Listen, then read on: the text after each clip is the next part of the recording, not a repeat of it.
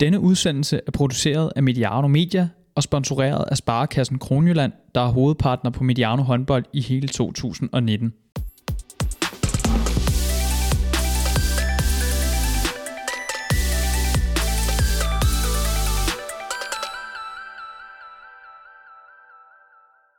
Makedonske Varner tog fusen på Barcelona siden øh, Vestprem og hævede Champions League-trofæet i Køln, mens der herhjemme var øh, kamp i Aalborg, hvor GOG øh, tog det første DM-finale stik mod nordjyderne. Mit navn er Emil Halkier. Velkommen til Mediano håndbold, og tak fordi du lytter med. Det har været en øh, vild håndbold weekend på alle måder, og det ved jeg, at den lettere klatterede her over for mig, han kan bekræfte. Det kan man måske også øh, høre lidt på stemmen. Rasmus Bøjsen, du er lige kommet hjem fra Køln. Det er rigtigt. Er du, øh, har du fået indhentet den der søvn, du mangler? Nej, ikke helt. Øh, jeg har da fået sovet lidt, men øh, ej, man kan godt mærke, at øh, det har været en hård weekend. Det er ligesom at optage en podcast med Johnny Madsen her. Du lyder som en, der har røget 40, 40 røde prins her for morgenstunden af. Jamen, som jeg sagde til dig lige før, øh, så ved vi ikke, om, om der bliver en podcast i dag, fordi det kan være, at den dør stemmen om, om et par minutter, og så er det jo bare det. Vi har jo for vane gerne skulle snakke 30-40 minutter om den første kamp, så nu jeg håber, du kan holde ud. Øh, vi er gået ind i juni måned. Øh, betyder det så egentlig, at jeg skal præsentere dig som 11-rumspiller nu, eller hvad er sådan øh, de kontraktuelle forhold? Nej, jeg tror faktisk først, at, at øh, ens kontrakt går ud i slutningen af juni. Øh, så det kan du faktisk ikke helt endnu, men, øh, men nej, øh, vi har fået sommerferie, så øh, det handler jo om at, at få selvtrænet rigtig godt. Øh, og så tager jeg 1. juli tager jeg så til, til Elverum og kommer på plads deroppe, og, og det glæder jeg mig rigtig meget til. Så, øh, så nej, ikke, øh, ikke helt endnu. Øh, Emil, du må op til mig og, og optage derop, så kan du kalde mig en elvumspiller. Så, Jamen det, det vil jeg holde op på. Som, øh, som de faste lyttere nok ved, og som jeg også sagde, så har du været til Champions League Final Four her i weekenden. Mm. Øh, og inden at vi tager sådan for alvor fat på den del af det, så har jeg lige en lille lydbid, jeg gerne vil spille for dig, Rasmus. Ja. Og det er for vores snakke sidste uge, da vi lavede optag til Final Four. Øhm, og nu fifler jeg lige lidt med noget lyd, så kan du lige øh, få lov til at høre den. Den kommer nemlig her bliver det en kort snak, altså, hvor vi bare lynhurtigt konstaterer, at øh, Vestprem møder Barcelona i finalen, og så øh, er det egentlig det, eller er jeg lige lovlig hurtigt på aftrækkeren der? Ja, det synes jeg, du er. Særligt fordi det her, det er Køln. Altså, hvis du ser historisk på det, så er det rigtig svært, og det er rigtig tætte kampe normalt. Også i semifinalerne øh, i Køln, og der er altid en eller anden overraskelse. Så øh, jeg tror, at der kan ske rigtig mange ting. Øh, det er selvfølgelig kedeligt, når man sidder i analyseøje med og, og skal snakke om de ting, at at man egentlig bare siger, at, prøv at der kommer til at ske et eller andet mærkeligt, men det gør der. Øh, der kommer til at være et eller andet øh, overraskende, det er jeg ret sikker på. Rasmus, nu er det ikke, fordi jeg skal sidde her og hælde alt for meget vand på din mølle, men du fik vel egentlig ret, gjorde du ikke det? Jo, altså der er jo flere ting i det der. Som jeg siger, det har jo bare historisk været sådan, at, at der sker altid et eller andet i køllen, og der er altid en overraskelse, og, og det kom der jo så i år. Altså jeg vil så sige, at jeg havde ikke regnet med, at, at Varda kunne vinde det hele. Jeg havde jo måske lidt mere tro på, på Vestbrem, som jo selvfølgelig også var tæt på, og, og det havde jo også på en eller anden måde været en lille overraskelse, hvis du har set øh, i forhold til sidste sæson, hvor de jo havde store problemer. Øh, men at var der skulle gå hele vejen, som jeg også sagde til dig lige inden vi, vi begyndte at optage, så, så, så vil jeg faktisk sige, øh, hvis du ser på starten af sæsonen, og hvis du ser øh, de ting, som der ligesom har været, de problematikker, der har været i Vardar, så vil jeg sige, så vil jeg vurdere i hvert fald, at jeg kan ikke huske, at der har været en større overraskelse i Champions League i forhold til at, at vinde titlen. Så øh, altså, det er jo helt vildt, øh, hvad de har formået at gøre øh, med, med de spillere, de har haft, med de spillere, de har mistet, og ja, med de, alle de her finansielle problemer, og så må man bare sige, øh, så må man bare tage hatten af for, for, øh, for Vardar. Det, det var fantastisk. Ja, det, og det sætter måske også meget, meget godt den her triumf i perspektiv. Altså også de ting, vi har siddet og talt om flere gange nu. Alle de her udenomsting, der har været i Vardar. Ja. Fordi altså, man har jo tidligere set uh, klubber, nu kan vi tage klubber i den hjemlige liga, i den tyske Bundesliga, alle mulige steder. Når der har været uro rundt omkring, så kan det godt være svært at, få, at ligesom holde det ude, når man går på banen. Her må vi jo bare uh, kigge lidt med hatten for en spillertrup, der virkelig bare har blokket alt ude og leveret der det galt, fordi altså, de slår Barcelona ud i en, i en semifinal. Det, det gør man altså ikke bare lige. Nej, som du siger, altså det virker jo på en eller anden måde som om, at, at det faktisk bare har gjort dem stærkere, alle de her problemer, der har været. Øh, spillere, der, der smutter midt i en sæson og, og så videre. Øh, men de har jo for alvor fået hierarkiet på plads i hvert fald. Altså det kan vi jo i hvert fald snakke om, at også med de skader, de har haft, øh, det har været meget nemt øh, at se, hvem det er, der skulle, øh, skulle afgøre det for dem, og hvem der skulle spille hvornår. Øh, så må man også bare sige, den, den sådan ligesom... Øh, det heldige måske også har haft med at, at hente spillere, som der ikke har kunne øh, blive brugt i andre klubber. Altså man kan jo bare starte fra en ende øh, altså starte Skube. Han starter jo reelt sæsonen i, i sækket, øh, og så får de lige pludselig mulighed for at hente øh, Bombards hjem. Og så får han egentlig bare at vide, at han kan finde en ny klub. Så kommer han jo så til Vardar og, og gør det fantastisk. Det samme er jo lidt øh, øh, med, med Dissinger, som jo også øh, har haft en okay stor rolle faktisk i, i den her sæson, men som også bare lige pludselig kommer ind, fordi han, han kommer til overs i, øh, i, øh, i Kiel, og, og det samme er egentlig også øh, tilfældet med Kalaras, som jo også har fået en stor rolle i, øh, i forsvaret i Vardar, men som slet ikke spillede i Magdeburg. Så altså, hvis man kigger på den måde, de, de nubber jo også en, en, en relativt ukendt, dog et kæmpe stort talent, men han er uprøvet i, i Champions League med øh, Dejan er Milosavljev, øh, som jeg jo synes er, er måske den bedste signing øh, i den her Champions League-sæson, øh, og som jo har været fuldstændig vanvittig, men som, som er, det er hans første sæson i Champions League.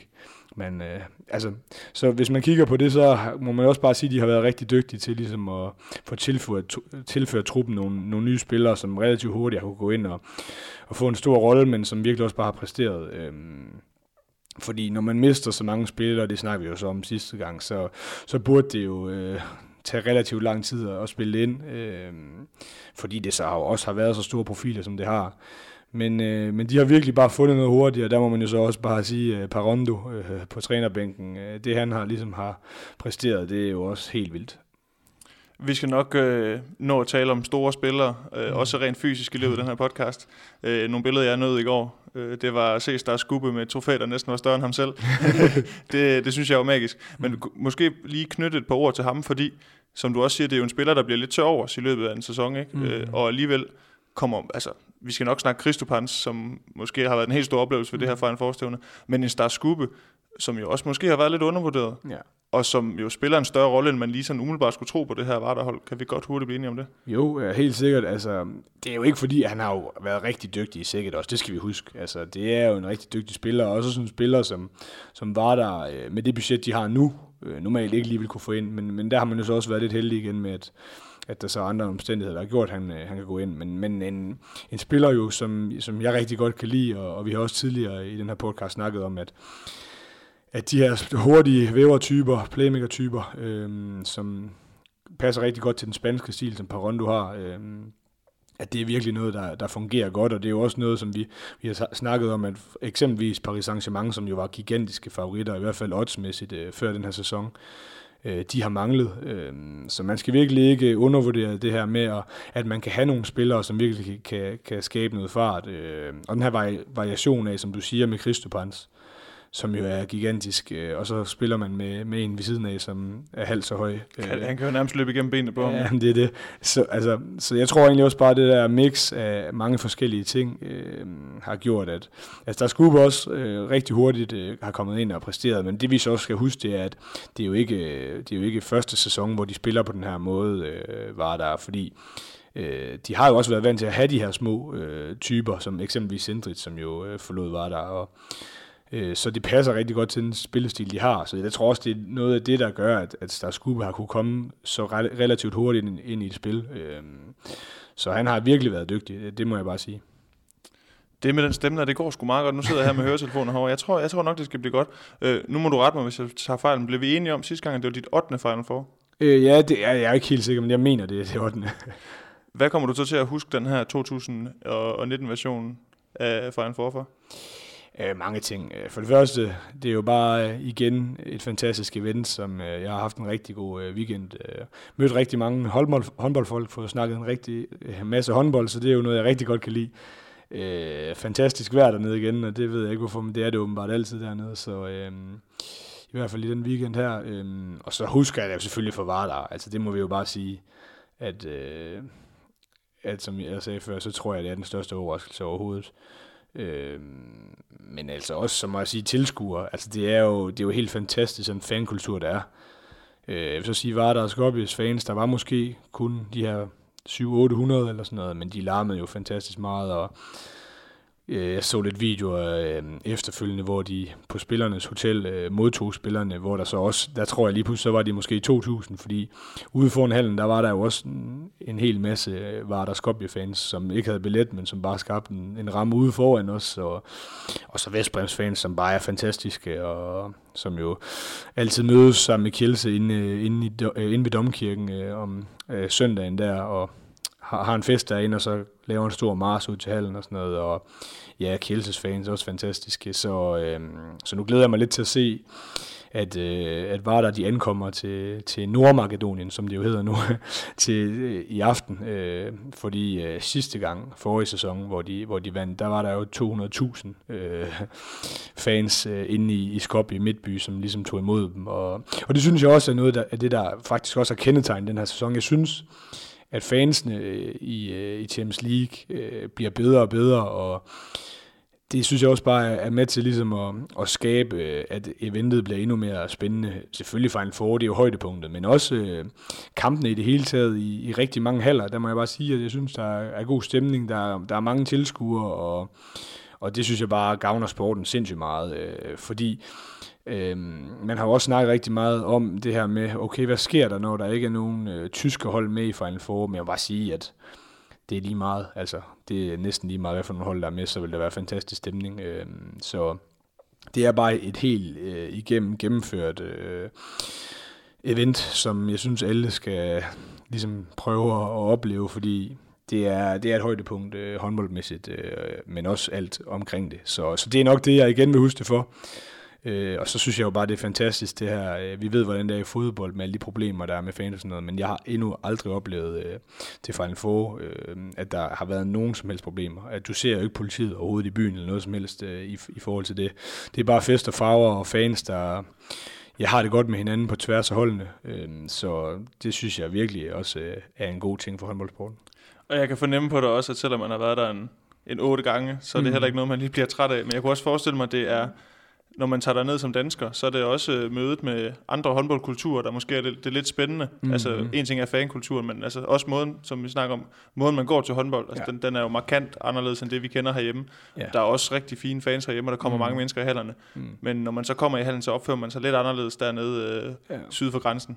Ja, men det er jo også det, vi, vi har snakket om tidligere. Det er jo tæt på religion for nogle af de her fans. Altså, de står jo og græder efterfølgende, hvad enten de har vundet eller, eller tabt, at at jeg, jeg må bare sige, at øh, man kan bare mærke, at det her det betyder så meget for, for fansene, at, at det gør det ikke helt på samme måde i Danmark. Selvfølgelig er der også fans, der går all in i Danmark og så videre, men, men dernede, der, altså lad os for eksempel tage Nordmakedonien, altså der er håndbold jo tæt på religion for, for rigtig mange fans, og det er jo, det er jo sådan noget af det, de går op i. Øh, og det er jo, du kan også være sikker på, at de, de bruger en rigtig stor del af, af deres penge på det, altså for at rejse rundt øh, og følge deres hold. Så, så det er også fedt at, at prøve at opleve en anden, øh, en anden kultur, en anden mentalitet, hvad angår håndbold. Øh, det synes jeg også øh, er sjovt, øh, og det kunne vi lære rigtig meget i Danmark, det er der ingen tvivl om. Men vi gør det på vores måde, og, og så er der andre, der gør det på en anden måde. Og nu skal du også op og prøve en, øh, en norsk håndboldkultur. Det bliver også, øh, også spændende for dig at se, hvordan de, øh, om de også kan klappe i takt deroppe, hvad vil sige. vi skal nok dykke sådan helt specifikt ned i de enkelte kampe, der har været den her Final Four weekend. Der er også nogle, nogle danske kampe her den sidste brygdel af her sæson, vi lige skal have vendt. men hvis vi sådan kigger på Final Four weekend som helhed, og med, med Vardar, øh, Vardar-brillen på, eller i forhold til Vardar, øh, hvorfor bliver det så dem, der løber med hele muligheden? Ja, altså det er der jo mange ting i, synes jeg. Øh, altså de laver jo, for det første laver de jo et vanvittigt comeback mod Barcelona, øh, som virkelig gør, at, at de får noget momentum, og de får noget tro på tingene, virkelig som om. Øh, vi snakkede om som optag til Final Four, at det handlede om at finde ud af, hvem der har dagen, og hvem der ligesom kan præstere. Kan præstere. Øh, og det, det kan man så sige, var der, de har ikke så mange at vælge imellem, men de formår i hvert fald at spille deres spillere varme. Øh, det synes jeg måske, det kommer vi også sikkert omkring, at der var flere af de andre hold, som ligesom glemte, øh, at det kan godt være, at man har en bred trup, øh, og det kan godt være, at det er hård kost at spille to kampe på, ja, hvad er det, 24 timer. Øh, så selvfølgelig skal man også overveje at rotere og ligesom give pauser. Øh, men når så det, det er så sagt, så handler det altså også om at finde ud af, hvem det er, der har dagen, og, og spille sin bedste spillere varme, og det må jeg bare sige, det synes jeg bare, der gjorde rigtig godt. Øhm, øh, altså deres bagkæde, der spiller de jo reelt set nærmest kun med tre øh, spillere. Øh, Kristopans, øh, Skube og, og Karasic, øh, og så ved jeg godt Dissing, og så er han lidt inde og, og vi karrierer, men det er ikke ret meget. Øh, så de får deres tre, øh, vel sagtens, vigtigste markspillere i gang. Og så synes jeg jo, at øh, Milosavljev, som jeg også roste før øh, i det i, i Vardars mål, at, at han virkelig også bare, jeg synes, han står en fantastisk øh, kamp mod, mod Barcelona og får holdt dem inde der, og har, har nogle vigtige redninger på vigtige tidspunkter. Øh, han står ikke lige så godt i finalen, men, men der har han også nogle fantastisk vigtige øh, redninger i slutfasen. Så det giver jo også bare øh, noget ro. At, øh, at for det første, så synes jeg, at, at de har fået opbygget et rigtig stærkt øh, forsvarsspil.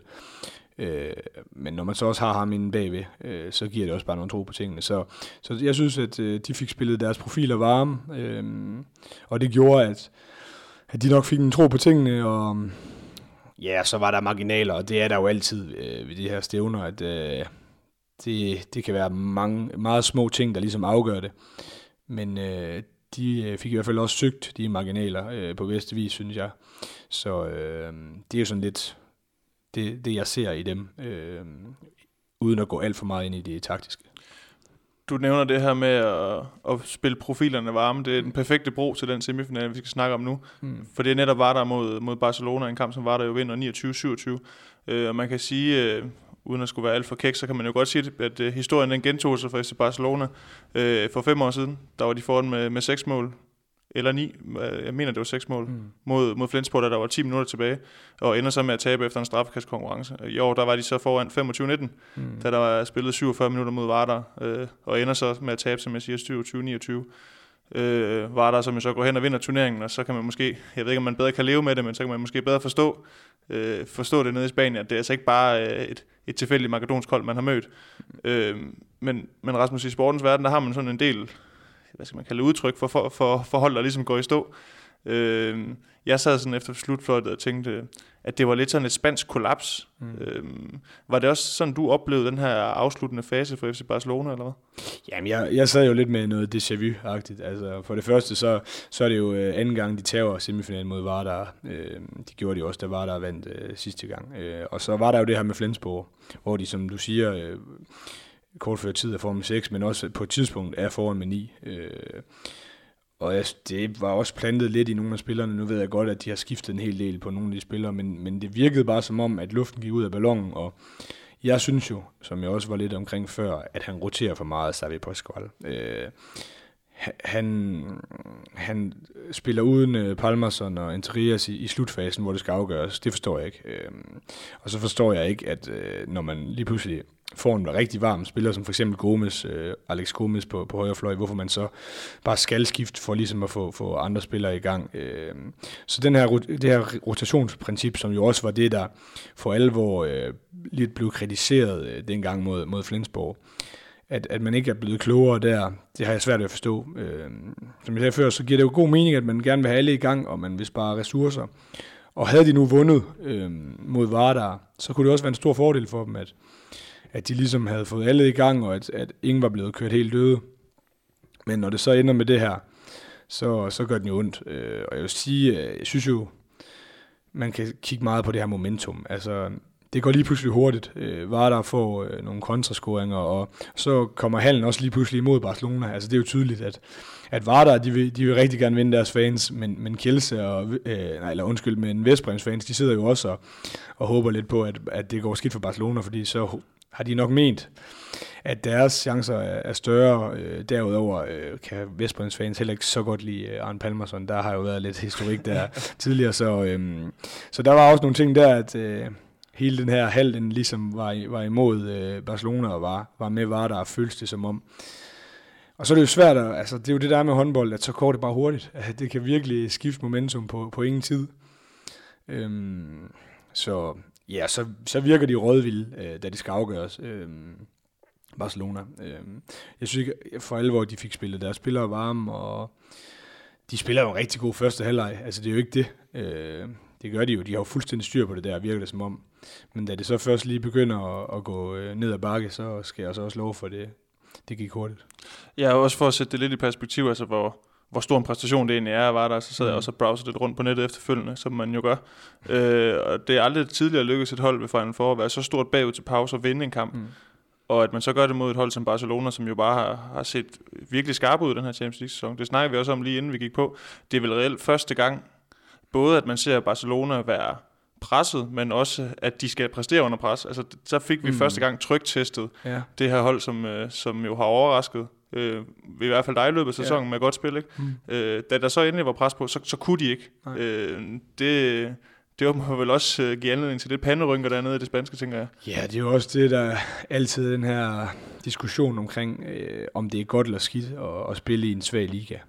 Man kan jo sige, at Vardar har jo i hvert fald gjort det, at de ved godt, at de spiller i en svag liga. Men de spiller jo i Serie League, øh, og der kan man i hvert fald sige, der bliver de noget mere testet øh, og får noget mere modstand, end Barcelona gør i den spanske liga.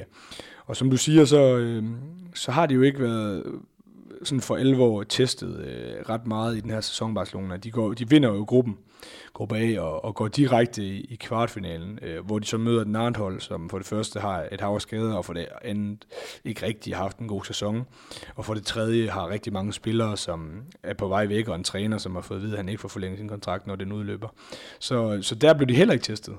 Øh, og der fik de også brugt rigtig mange spillere osv., men, men det er også bare ikke altid godt at spille alt for bredt. Øh, så, så det er jo altid den her store diskussion om, øh, hvad er godt. Øh, er, det, er det godt bare at få, få sparet en masse spillere og få kommet forholdsvis let til Final Four, eller er det bedre at blive rigtig testet? Fordi det blev, øh, var der jo også øh, gevaldigt i, ja, i store dele af Champions League, men i det hele taget også i, i øh, kvartfinalen mod Sikkert. Øhm, så øh, jeg tror i hvert fald øh, ikke, det har været en ulempe for Vardar at have, en sværere vej, end Barcelona har haft. Og som vi så snakker om, så, så er det jo altid spændende at se, hvordan et hold reagerer på modgang. Øh, og når man så ikke rigtig har haft det i en hel sæson, så er det nok også sværere ligesom at, at kapere det, når det så kommer.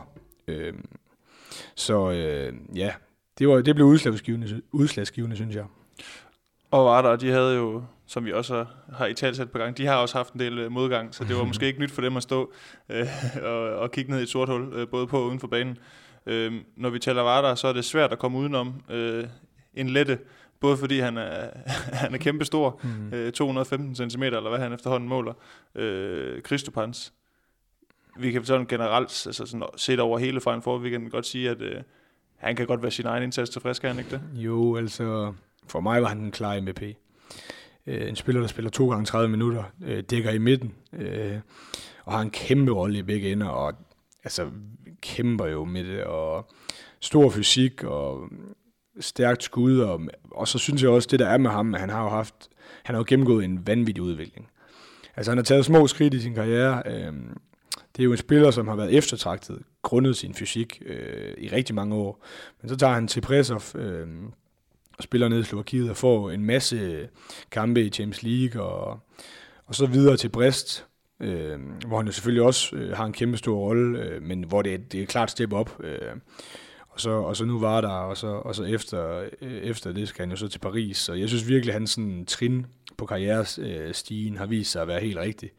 Øh, han var jo rigtig kluntet, øh, da han lige kom frem, og der må jeg bare sige, at han er blevet mere bevægelig, og han er blevet klogere, og jeg vil så også sige, at han sådan, Hans Miché var jo tidligere kun at kunne skyde, øh, men det må jeg så sige, det har han så udviklet sig virkelig meget, øh, ja, både taktisk, men også altså i det hele taget, hans assistspil er jo også rigtig stærkt. Øh, og det er jo bare en mand, som når han vil, kan trække to mænd til sig. Øh, og det er jo relativt fint at kunne skabe det overtal øh, nærmest i hver eneste angreb. Øh, så han, han var min klare MVP, øh, og jeg synes virkelig, at han har udviklet sig fantastisk. Øh, og så kan vi jo snakke om en spiller, som, som virkelig bare rammer den øh, i et Final Four. Det, det må man bare sige. Og, altså, han går så lidt, øh, lidt træt, øh, synes jeg, øh, i slutningen af, af finalen. Øh.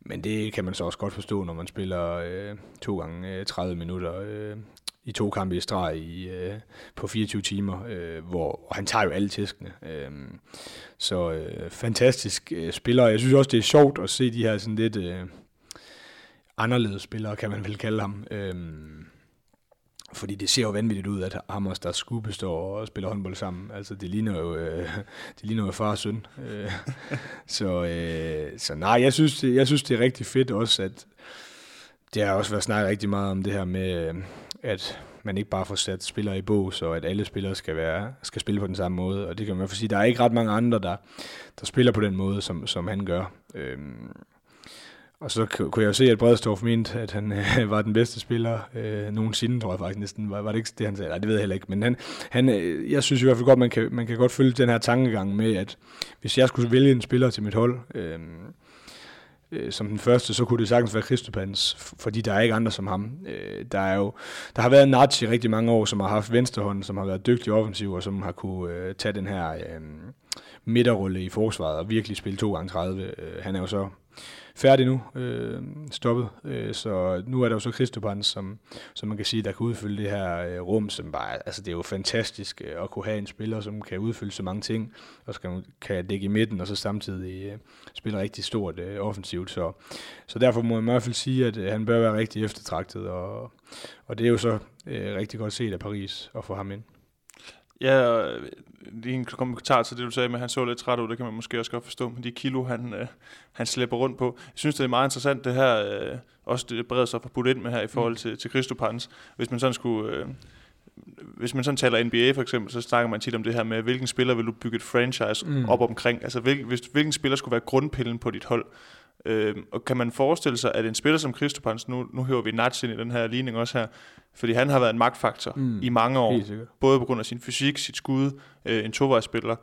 Er Christopans også en type, der kunne gå hen og blive noget af det samme, altså en, som over den, den kommende årrække bliver den dominerende, altså højre bak i Europa, ham som kommer til at ligesom være den her magtfaktor, som vi har set med Lars Nunas eksempelvis? Der er jo, jeg synes jo, der er rigtig mange dygtige øh, højrebacks, så det er jo svært at sige. Øh, men det er, jo, det er jo, som du siger, man kan jo sagtens bygge et, et franchise op, og sådan, op øh, øh, på sådan en spiller. Han kommer jo til Paris, og der skal vi jo bare huske, der er altså også en anden, der render rundt der, som hedder Remeli, og som også kan rigtig mange vanvittigt øh, gode ting. Og det, jeg er spændt på øh, ved Christoph det er jo at se, Øh, Øh, nu ved vi jo ikke for alvor, for det første, hvornår han skal til Paris. Øh, var der situationen med de finansielle ting og sådan noget, øh, det ved man ikke. Han, han udtalte sig godt nok efter øh, fra, en, øh, fra en forfinalen, at, at han vil blive, øh, men man ved jo ikke, om der er et, et Vardar-projekt til næste sæson. Det håber vi selvfølgelig rigtig meget på. Men han skal også til, til Paris, til et nyt spil. Øh, nu kender han jo selvfølgelig træneren Raul Gonzalez, men, men som jeg har sagt så mange gange før, jeg synes jo, at Paris de mangler den her fartskabende playmaker, og det synes jeg er vigtigt for ham offensivt. At, at man jeg troede, du skulle sige, at det var Christopans. Så det, var, det var ikke Christopans, men det kan jo så være, at han tager sin gode venstre skubbe med. Det har der været nogle rygter om. At, at han også... Han kan øh, også være i lommen på ham, var lige vil sige. Det er det. Så, så det tror jeg i hvert fald også er vigtigt for ham at få en, en fartskabende øh, playmaker, fordi det er, når man har en spiller som ham, så skal man altså også have en, der kan, kan sætte ham i scene. Øh, nu når, altså, når han går træt, så, så er det vigtigt, at der er en, der ligesom kan, kan hjælpe ham med at komme til de her skudsituationer. Men ingen tvivl om, at, at, øh, at han formentlig vil være en af de mest eftertragtede højre backs øh, overhovedet øh, de næste par år. Hvad øh, synes du, han mangler at lægge på sit spil? Jamen det er jo svært, øh, hvad han skal, skal lægge på. Øh, altså man kan jo godt se, øh, jeg synes jo også, at han har spillet en stor sæson, men han har jo ikke, øh, han har jo ikke været lige så god som han øh, har været i Final Four. Så selvfølgelig, hvis man kan finde det der topniveau frem noget mere, øh, for jeg synes, at hans bundniveau er, er, er relativt højt. Altså, det er ikke en spiller, som bare øh, falder ud. Men hvad han kan gøre bedre, det er jo måske noget mere bevægelse, men omvendt øh, behøver han det, fordi han, altså det, er jo det, det er jo det, han kan. Altså, nu snakker vi eller snakker om før, at man skal passe på med at, spille, at sætte spillerne i bås og sådan noget. Så jeg synes jo bare, at, at det, han er god til, det skal han bare gøre endnu mere. Øh, Øh, han bliver jo aldrig verdens mest bevægelige, og det er jo slet ikke det, han skal heller. Øh, hvis man kan sige noget, så kan han måske godt lægge noget på sit spil ud af i banen, øh, og med sin fløjspiller. Øh, det er ikke det, han gør mest, øh, og det er jo kvæg hans bevægelser, øh, som er meget ind i banen, hvor han ligesom kan give plads til at kunne skyde øh, til sig selv. Øh, så det kan han selvfølgelig godt øh, lægge på. Det, man, kan alt, altså, man kan jo altid lægge, lægge noget på. Ja, jeg så da, han havde et uh, udspil bag om ryggen. I ja, det er det. Han, han kan da godt lidt. ja. øh, en ting, som jeg er mærke i den her semifinale, nu holder vi lige fat i Barcelona mod Vardar lige lidt endnu. Mm. Øh, du har flere gange rost øh, dem, der render rundt ind på stregen i Barcelona. Øh, en, en Fabregas blandt andet, de har også sådan en, Sypsak, nu er jeg ikke så god til, til det polske. Øh, og normalvis så har Spanierne jo også sådan en god binding til stregen, det er noget, de bruger meget. Ja. Øh, også på landsholdsniveau har man set det rent historisk. Det, mm. Stregspilleren betyder meget i deres offensiv. det lykkes overhovedet ikke med Vardar. Altså jeg tror, de har to afslutninger fra stregen måske, og de er begge to en på en, så det, mm. det, er ikke, mm. det er ikke alverden. Altså, det burde de vel have gjort noget mere. Altså, det, det der stregspil faldt jo fuldstændig ud af ja, den kamp. Ja, men helt sikkert. Altså, det er jo et godt våben. Altså, når man har en spiller som Fabregas, så, så skal man selvfølgelig også prøve at se, om man kan, kan ramme ham. Jeg synes jo også, en af de ting, han er rigtig stærk på, det er jo det her kontraspil, og det får de jo selvfølgelig også, det får de gang i i første halvleg. Øh, men jeg synes jo, at, at Varda er dygtig til at spille klogt offensivt, og ikke give dem muligheden i det her. Når det så er sagt, så synes jeg jo også, at, at det, der, det er jo tydeligt, var, der ved godt, øh, hvor deres målmand Mølsavli var stærk. Øh, selvfølgelig er han også dygtig øh, med, med skuddet bagfra, men, men indover fra fløjen eksempelvis, der, der kan han nogle ting, så der er jo ingen tvivl om, at, at, at Vardars ligesom mål er jo at, at få øh, Barcelona spille ud af banen, øh, så tager de gerne nogle skud derudefra, og så, så håber de på, at Milosavljev kan tage nogle af dem. Så det gør jo også, at, at stregspillerne får lidt svære betingelser. Øh, og så fik de også lov til at gå til den fysisk, øh, vil jeg sige. Øh, jeg ved ikke, hvor meget vi skal ind på dommerne, men altså dommerne ved den her slutrunde, jeg kan se, der er i hvert fald mange, der ikke er helt tilfredse. Øh, det var ikke det højeste niveau, og man kan jo godt spørge sig selv lidt om, hvor, hvor Mads og Martin var i det spil der. Øh, dem kunne man måske godt have sat til. Øh, og dømme øh, i hvert fald en af, en af kampene. Så det var lidt ærgerligt, synes jeg. Øh, og jeg synes også, der var nogle tvivlsgrænser. Jeg det var ikke det, der blev afgørende som sådan, men, men de var lidt hårde ved Barcelona i, i nogle vigtige sekvenser, synes jeg.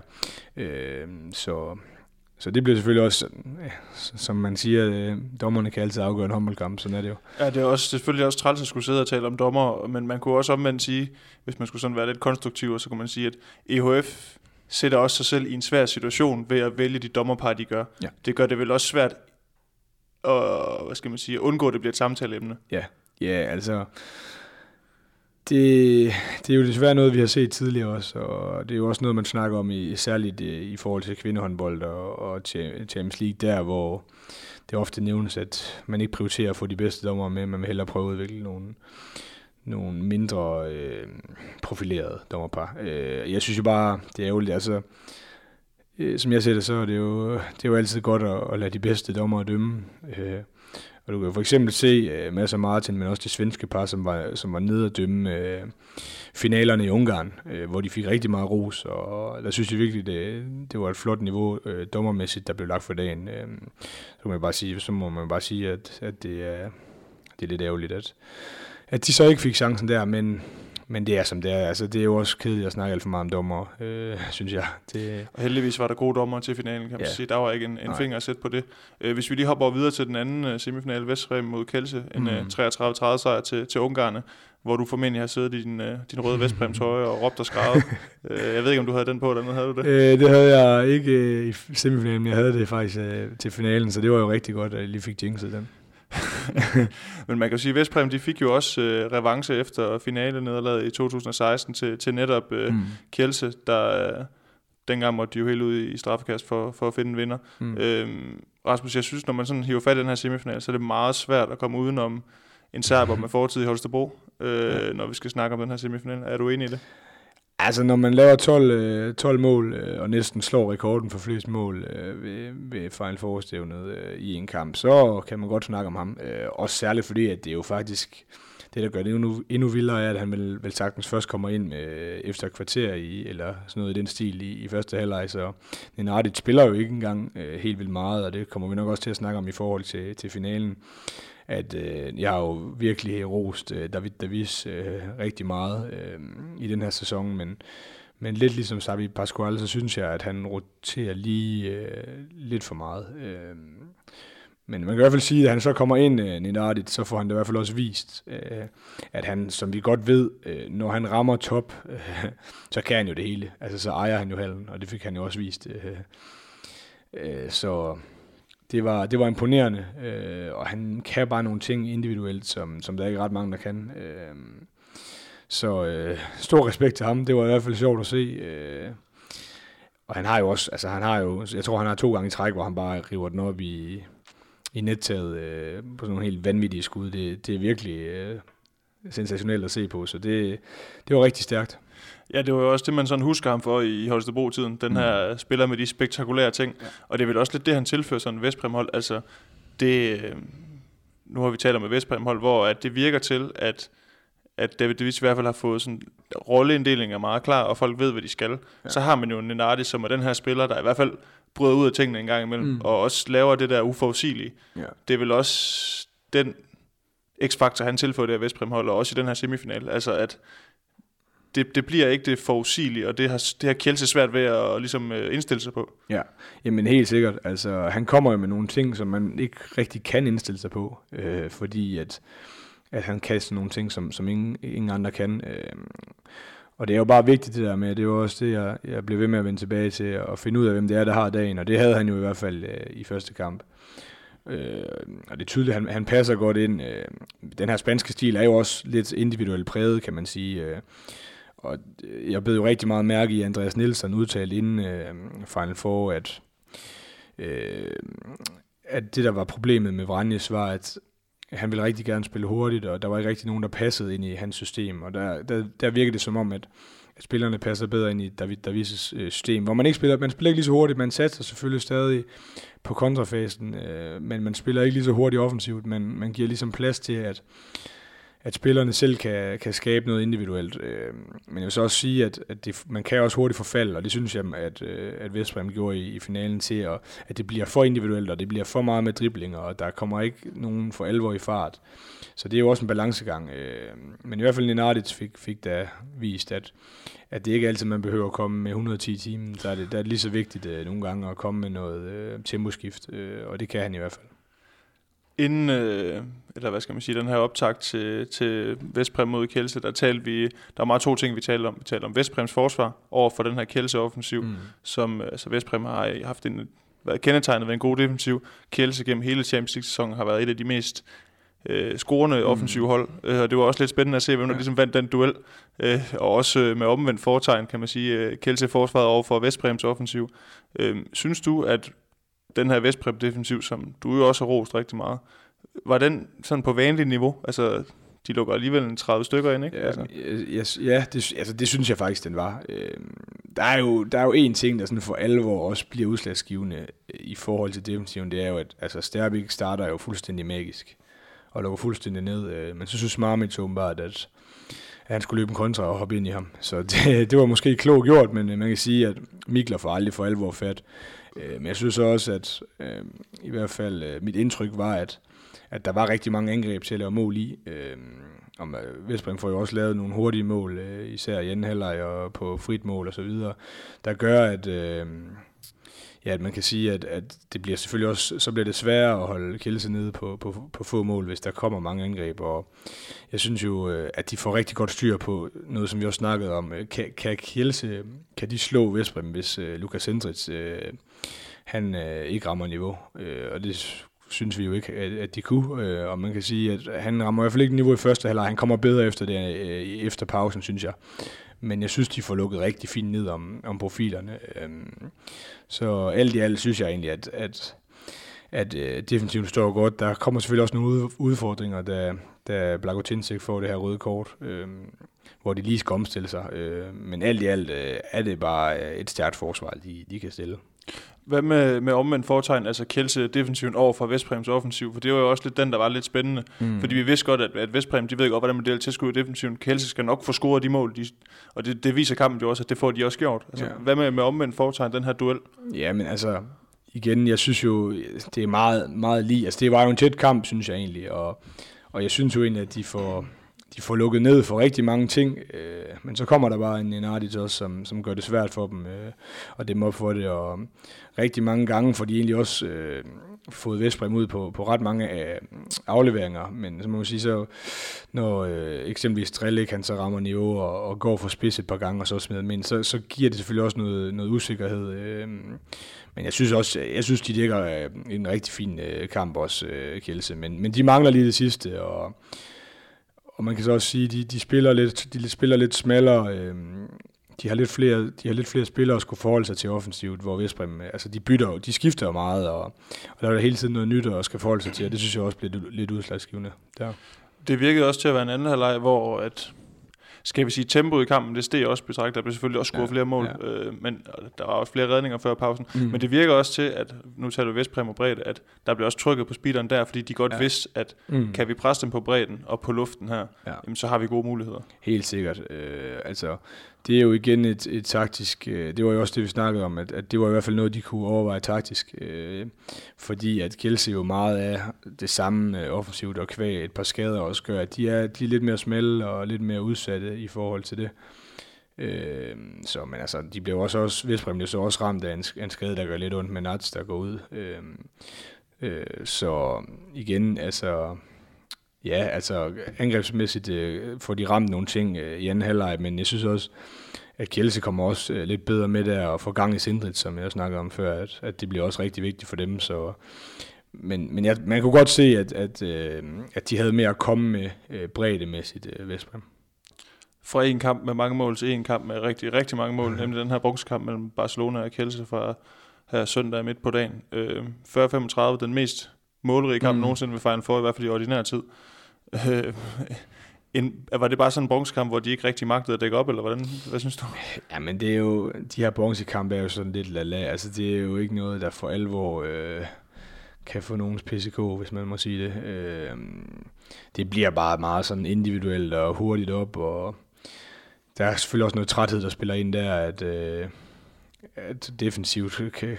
virkede begge hold i hvert fald sådan rimelig trætte. Og jeg vil så sige, jeg vil så lige skynde mig at sige, at jeg så mest, øh, eller så hele første halvleg, og så valgte jeg så at prioritere at gå ud og se det øh, finale i anden halvleg, hvor jeg så havde second screen på, øh, på den anden halvleg der. Øh.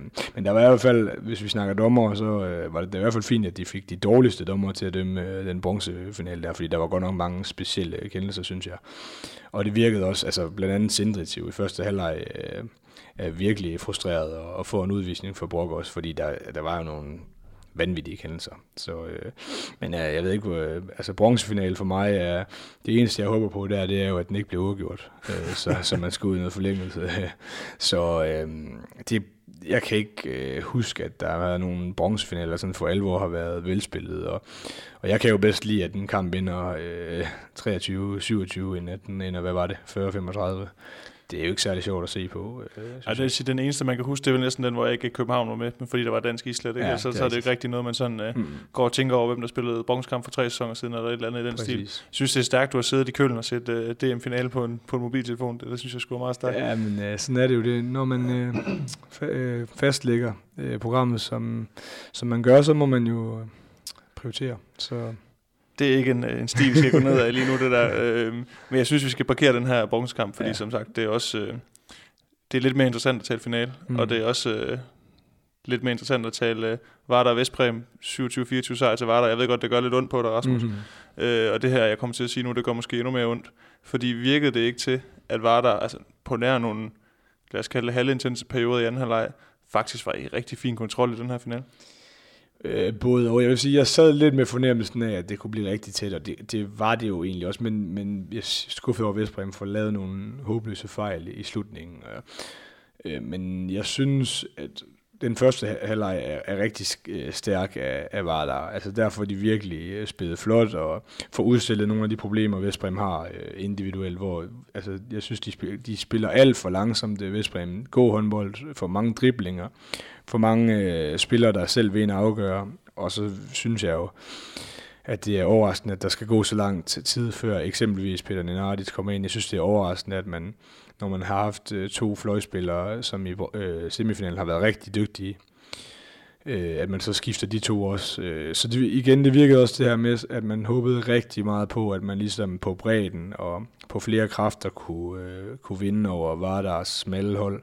Øh, men det fungerede i hvert fald ikke i første halvleg. Øh, så vil jeg så sige i anden halvleg, der var ikke mange ting, der skulle øh, være tippet Vestbrings vej, før det kunne være blevet rigtig spændende. Øh, der er jo eksempelvis, som jeg ser det, en, en meget forkert øh, udvisning til Blago Blagosinsik, hvor, hvor på et vigtigt tidspunkt, hvor, hvor Støjler for LC bare kommer til at løbe op i ham og så vælter. Øh, der var det i hvert fald, øh, det er sådan lidt en meget kampafgørende øh, situation, som jeg ser det, fordi der var noget, altså Vestbrem får noget momentum i anden halvleg og får spillet sig op, øh, og får jo Sterbik på mål også. Øh, en anden ting, som jeg selvfølgelig også var lidt overrasket over. Selvfølgelig, han, han kunne jo nærmest ikke løbe, eller han kunne ikke løbe. Han var aldrig afsted, men øh, han får stået rigtig, rigtig stærkt, øh, især i starten af anden halvleg for, dem, for Vestbrem ind i kampen igen. Men når han nu kunne spille, så må jeg sige, så kunne han måske godt have kommet ind øh, allerede lidt før pausen. Øh, fordi Mikler havde, jeg synes jo Mikler har stået en rigtig stærk sæson, men øh, han ramte ikke niveau øh, til, til Final Four. Ej, han havde en rigtig, rigtig svær første halvleg. Og øh, det var også, øh, nu har du så siddet og set kampen i hallen, men mm. for os, der så den på tv, der var det i hvert fald tydeligt, at da Stærbe kan komme ind, mm. øh, det var ikke mand, der, der skulle løbe mange meter. Nej. Og man så jo også, at øh, når de skulle spille ja. noget, noget 6 mod 6 efter mm. en udvisning eller et eller andet, så, så skiftede de Mikler ind igen, fordi Stærbe han skulle ikke have den løbetur der. Mm. Øh, så I kunne godt se på tilskuerpladserne, at han havde ret ondt i den ankel der. Ja, helt sikkert. Altså, og det er jo selvfølgelig, altså det er jo virkelig hammerende ærgerligt. Altså jeg tror, det er jo nemt at sige det, men havde han ikke blevet skadet, så tror jeg også, at Vesbom havde, havde taget det der, fordi øh, nu har jeg ikke set statistik på det, men i hvert fald anden halvleg virker det som om, han klart vinder, øh, vinder målmandskampen, fordi Melisavljev, øh, som jeg også fik nævnt på et tidspunkt, at, at, han, at han spiller jo øh, fantastisk for en overall, men han, det er ikke hans bedste kamp, og så kommer han jo så ind igen øh, til sidst og har nogle vanvittigt vigtige redninger, men, men jeg synes jo, at øh, Vestbrem der, der øh, øh, på målmandsposten øh, vinder i anden halvleg, og det er også det, der selvfølgelig er med til at få dem ind. Øh, særligt i begyndelsen, hvor de ligesom får lukreret på det også, og får nogle, øh, nogle hurtige kontramål. Øh, så, øh, så Sterbik øh, kan i hvert fald godt være sin indsats, indsats bekendt, vil jeg sige. Ja, det her momentumskift, som du også taler om, det kommer jo da Sterbik kommer ind, og Nedardis kommer ind mm. øh, fuldstændig op, altså ligesom man så i den første kamp, ja. også Nedardis igen, ikke, som jo. jeg kan fornemme på dig, at øh, ham kunne man måske godt have bragt i spil lidt, øh, lidt tidligere.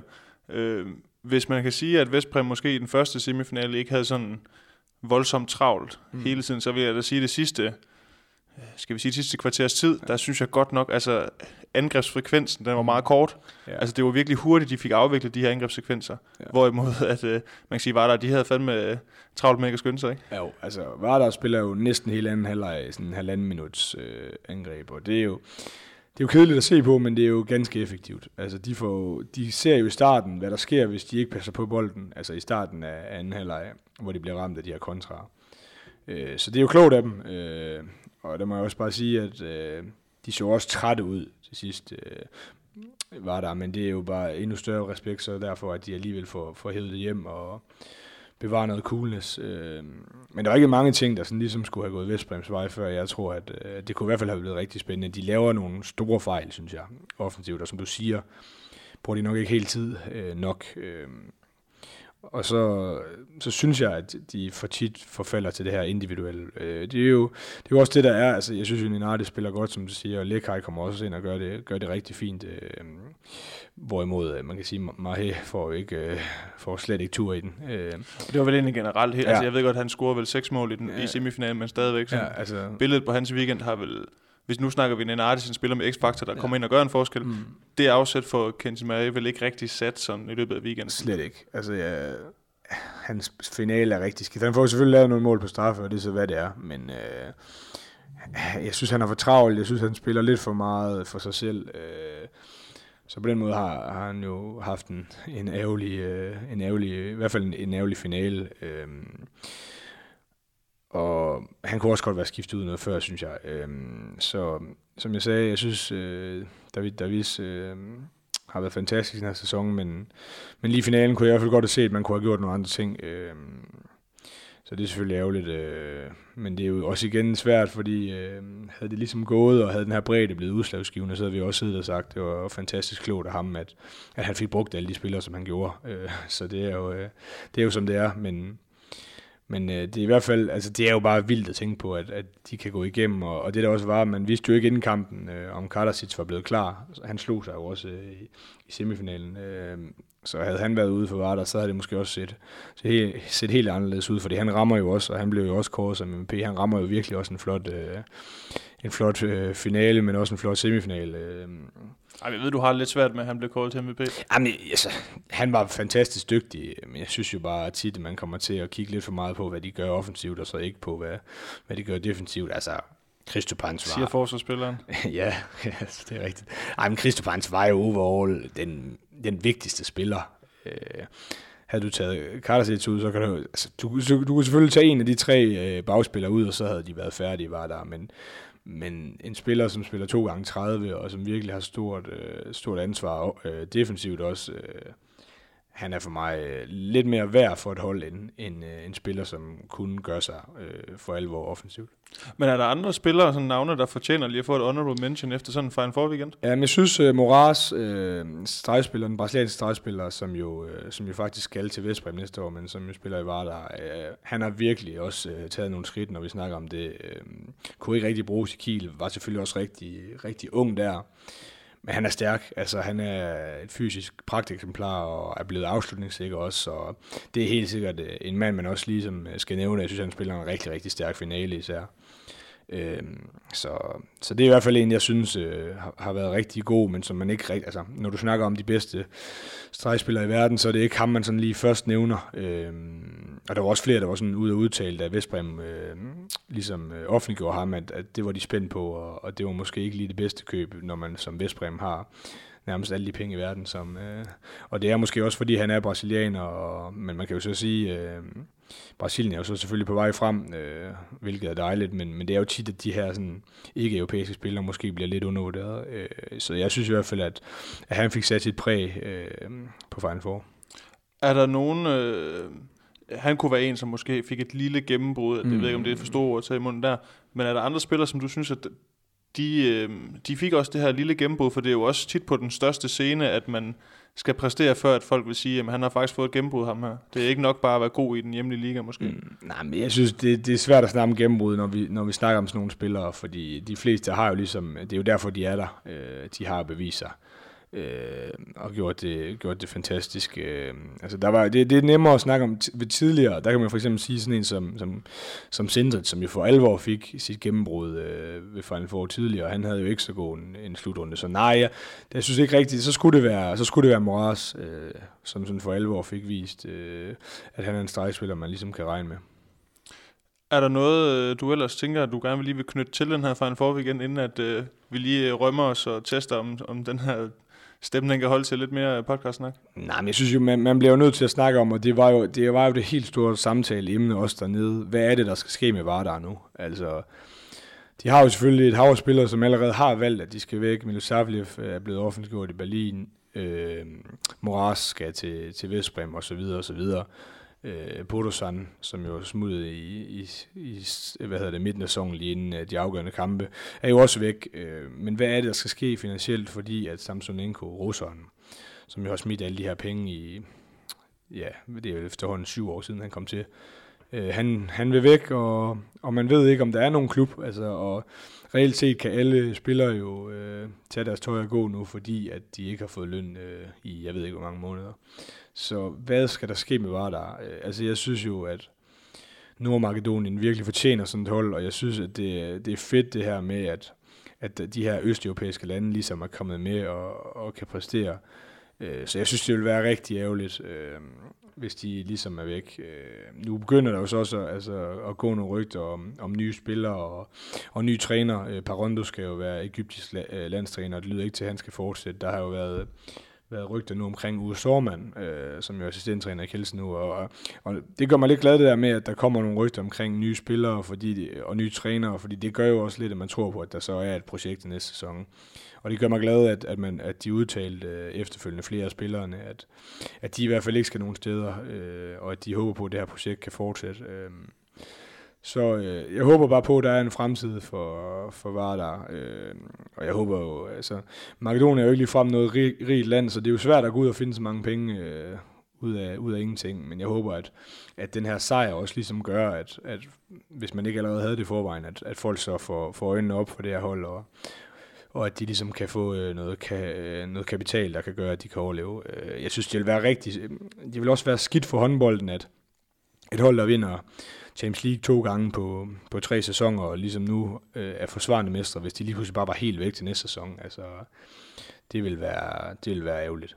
Ja, der er et eller andet morbid i det, altså ja. at, at man, man går fra, fra det øverste trin på mm. sejrskammen, og så kan man springe direkte ned i, ja.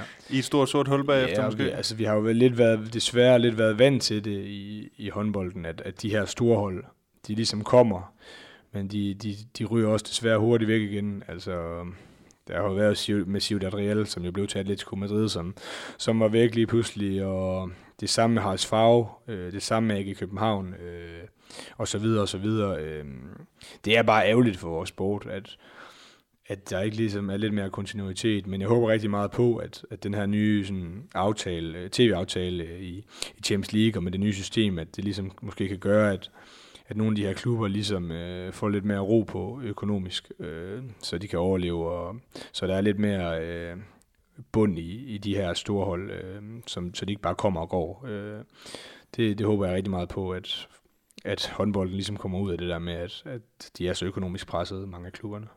Skal du til Køln igen næste år? Og her tænker jeg ikke som spiller, men som... Øh... øh, altså, det er i hvert fald planen. Øh, nu må vi lige se, hvordan overledes det er. Jeg ved faktisk ikke helt, hvordan sådan sæsonen er i, i forhold til i Norge, og hvornår man... Altså, den er færdig spillet lige nu i hvert fald, kan Det er den i hvert fald i, i den her sæson. Øh, men ja, altså hvis jeg kan, så kan jeg love dig for, at jeg skal ned, ja. Og også hvis det som spiller, så siger du heller ikke nej, kan jeg fornemme, Ej, selvom så... det vil være en af de... de så kan vi tale om store overraskelser, kan vi ikke det? Jo, øh, jo, jo, men det tager jeg med, hvis det er. Det, det skal nok blive sjovt i så fald. Det ville være fuldstændig sindssygt at se dig rende rundt dernede. ja, det ville det. ja, hvad hedder det? Jeg synes, vi skal vende snuden hjem af, hvor lige vil sige, men til den, til den danske liga, fordi som, vi også, øh, som du også sagde, der har været fuld program her i weekenden. Ikke nok med, der var, var Final Four, den fineste klubturnering i, i håndbold. Øh, så var der også lige nogle DM, bronze og øh, en bronzekamp mellem Skjern og BSV, og en final mellem, mellem Aalborg og, og GOG. Øh, og jeg synes, vi lige skal sådan lige kort vende den her bronzekamp først. Øh, ligesom med bronzekamp med Final Four, så det er jo heller ikke den, der sådan er, hvad skal man sige, øh, den, der er allermest spændende at snakke om, men man, det, det er selvfølgelig, man er også nødt til lige at komme omkring den, synes jeg. Mm. Øh, sådan en gang, øh, gang øh, Skjern mod BSV, er det sådan lidt en gang... Øh, mentale håndboldtømmermænd, der lige skal fordøjes øh, sådan efter, efter en, nogle semifinalserier, eller i hvert fald for, tænker for Skjerns vedkommende, hvor man var rigtig, rigtig tæt på at gå i en final. Jamen det er det jo. Altså, jeg ved ikke rigtig, hvad jeg skal sige om det. For, min, for mit vedkommende, nu har jeg jo selv prøvet det et par gange, desværre, at spille i Avungskamp, der må jeg bare sige, at øh, det er tæt på ligegyldigt. Altså der kan jo selvfølgelig være noget i forhold til noget Europacup, det har det i hvert fald været tidligere, og jeg er faktisk lidt i tvivl om, hvor meget det betyder nu, fordi det er jo ligesom at smidt ind i, i grundspillet, og begge hold er klar til Europa til næste sæson. Øh, så det er meget tæt på ligegyldigt. Det, det er jo selvfølgelig kedeligt at sige det. Øh, og en bronzemedalje er selvfølgelig også, det er selvfølgelig også noget, men jeg kan bare sige, for mit vedkommende, der, øh, der vil jeg hellere bare øh, blive fri, hvis det var sådan. Så, øh, men det, det viser selvfølgelig også lidt, øh, hvad for en spiller man er, øh, når man spiller de her kampe. Og der er ingen tvivl om, når man først er i det, så vil man jo vinde. Og så betyder det øh, rigtig meget at få sluttet ordentligt af. Og der er også nogle spillere, som ligesom skal videre fra de to forskellige klubber, øh, som selvfølgelig rigtig gerne vil, vil slutte godt af. Øh, og, og give selvfølgelig en, en god oplevelse til, til både fans og medspillere og alt det her. Øh, så på den vis er det selvfølgelig ikke helt ligegyldigt, men, men en bronzefinale er øh, ikke noget... Øh, man sådan for alvor øh, går op i. I hvert fald ikke for mit vedkommende som spiller. Og jeg skal da også øh, skynde mig at sige, at jeg har ikke set kampen. Nej, det er også det. Så jeg synes, det, det er lidt om sådan at tale sådan for meget om ja. den. Men man kan i hvert fald sige, at øh, nu så jeg den selv, og mm. det, øh, du taler omkring det. På forhånd kunne det måske godt være sådan, at spillerne i hvert fald i skjernlejen måske havde lidt svært med at sætte sig op til sådan en kamp, men jeg skal da love for, at øh, der blev æder med gået til den i 60 minutter, så det var ikke fordi, der blev skortet på intensiteten i forhold til det. Øhm, og som sagt, så det er også, øh, i og med at programmet har været så tæt, øh, som du også siger, du har ikke fået set den her kamp, og det er også derfor, jeg tænker, at nu stak vi bare lige en finger ned i jorden, ja. og så går vi videre til den her finale, fordi øh, du har også skulle hjem for køllen, og nå lægen hen noget søvn og sådan nogle ting, så jeg vil heller ikke øh, presse dig, presse dig for meget. Øhm, men finalen ved jeg, du har set. Ja. Og øh, finalen... Øh, blev måske også øh, en smule overraskende for nogen i hvert fald. Det var i hvert fald øh, GOG, der vandt 33-30 op i, i Aalborg. Øh, den her første DM-final fik jo desværre en lidt, skal vi sige, ærgerlig op, optakt, i hvert fald for nordjyderne, der jo på dagen måtte melde ud, at, at Omar Inge Magnusson, han skulle ikke spille, øh, på grund af, var forklaringen en hjernerystelse, eller en mindre hjernerystelse i hvert fald. Og det er ikke fordi, jeg synes, vi skal bruge sådan vildt meget tid på at tale om, at Omar ikke spillede, fordi det er som det er. Desværre kan man sige, som, som håndbold elsker. Øh, men jeg vil gerne tale lidt om, hvad det egentlig fik af betydning for, for mm. Aalborg. Øhm, hvad synes du, det fik af betydning for deres spil? Altså, hvis, fordi Omar er jo, det er helt tydeligt, det, det i offensiven, han har en stor holde og har dirigentstokken. Altså, ja. hvordan, hvordan synes du, det kom til udtryk, at, at han lige pludselig ikke var der i hvert fald til at dirigere den der del af spillet? Nej, altså for det første, så er det jo lidt, altså det giver jo bare et, et lille chok i, i en trup. Øh, så det er jo det første ved det, at det her, mental, det her mentale med at, ligesom at komme ud over det her, at, at forstå, at, at nu mangler man øh, ens måske vigtigste spiller øh, i en DM-finale. Det er, jo, det, er jo, det er jo hårdt at kapere det bare lige pludselig. Øh, når det også, jeg ved så ikke, jeg tænker måske, at de har vidst det i et par dage, eller, eller, eller mere end det. Øh, men, men det er bare hårdt det der med det, øh, at skulle kapere det, og så synes jeg, når det så er sagt, så synes jeg, at Mindby gjorde det rigtig godt. Altså jeg synes, øh, han fik for det første fik han også åbnet lidt ud bagfra, og, og fik taget nogle gode valg, og så synes jeg, at han defensivt også fik vist, at han er en rigtig dygtig forsvarsspiller, øh, og taget noget god højde. Altså det er jo, det er jo ikke verdens fedeste job at skulle stå over for Lasse Møller, øh, men det får han, det får han klaret rigtig fint, øh, og, og få lov til at tage den her højde øh, i defensiven. Så, så der er han rigtig god, synes jeg, ligesom til at, til at finde noget timing og få, få taklet godt af. Øh, men offensivt kan man jo sagtens se, øh, at Omar ikke er med. Øh, hans øh, rigtig dygtige assistspil. Øh, det er jo ikke der, Mindbysen for alvor øh, har øh, sin spidskompetence, som jeg ser det i hvert fald. Så, så det giver i hvert fald noget, noget andet spil, og det gør også, at man ligesom de her brækker i puslespil ligesom skal, skal vendes lidt anderledes, og, og der er nogle spillere, som spiller lidt øh, på nogle andre positioner, eller i hvert fald øh, lidt mere eller lidt mindre, end de måske er vant til, øh, på baggrunden af den her skade. Øh. Men når det er sagt, så, så synes jeg faktisk, så var jeg, altså, jeg var lidt overrasket over, at de trods alt fik spillet så flot, øh, Aalborg. Jeg, jeg så, da, da jeg fik det der at vide, så tænkte jeg, at det her, det klarer godt uden problemer. Øh, og når man så sidder og kigger på statistik på det, og, og, de, øh, og de så faktisk øh, er rigtig godt med på nogle af de her statistikker, Aalborg, øh, både hvad angår øh, målmænd, men øh, også scoringsprocent og sådan noget, så, og de egentlig også i de sidste 10 minutter kommer tæt på, og man sidder med tanken om, at okay, det her det er ikke afgjort, øh, så synes jeg egentlig, at det, det fortjener ros. Øh, jeg synes, at de spillede med de midler, de havde, og vi skal også huske, at de i forvejen har nogle skader øh, på vigtige spillere, at, at så, øh, så må jeg sige, så synes jeg, at de gjorde det flot. En spiller, som øh, en spiller, hvis formkur har været opadgående øh, siden slutspillet og i semifinaler, det er Janus Marsson. Mm. Det er jo klart, at øh, når han ikke har sin islandske partner in crime mm. der på højre bak, så, så bliver der selvfølgelig læsset nogle ekstra opgaver over på hans skuldre i forhold til at øh, vinde dueller, skabe rum, og pumpe tempo ind i angrebet. Øhm, var det også tydeligt, altså når man sad og så kampen, at der var lige de ekstra ting, han skulle ja. øh, drive, fordi at der, der var ikke, måske ikke, øh, nu har vi snakket om, at Mindby spiller en rigtig god kamp, mm.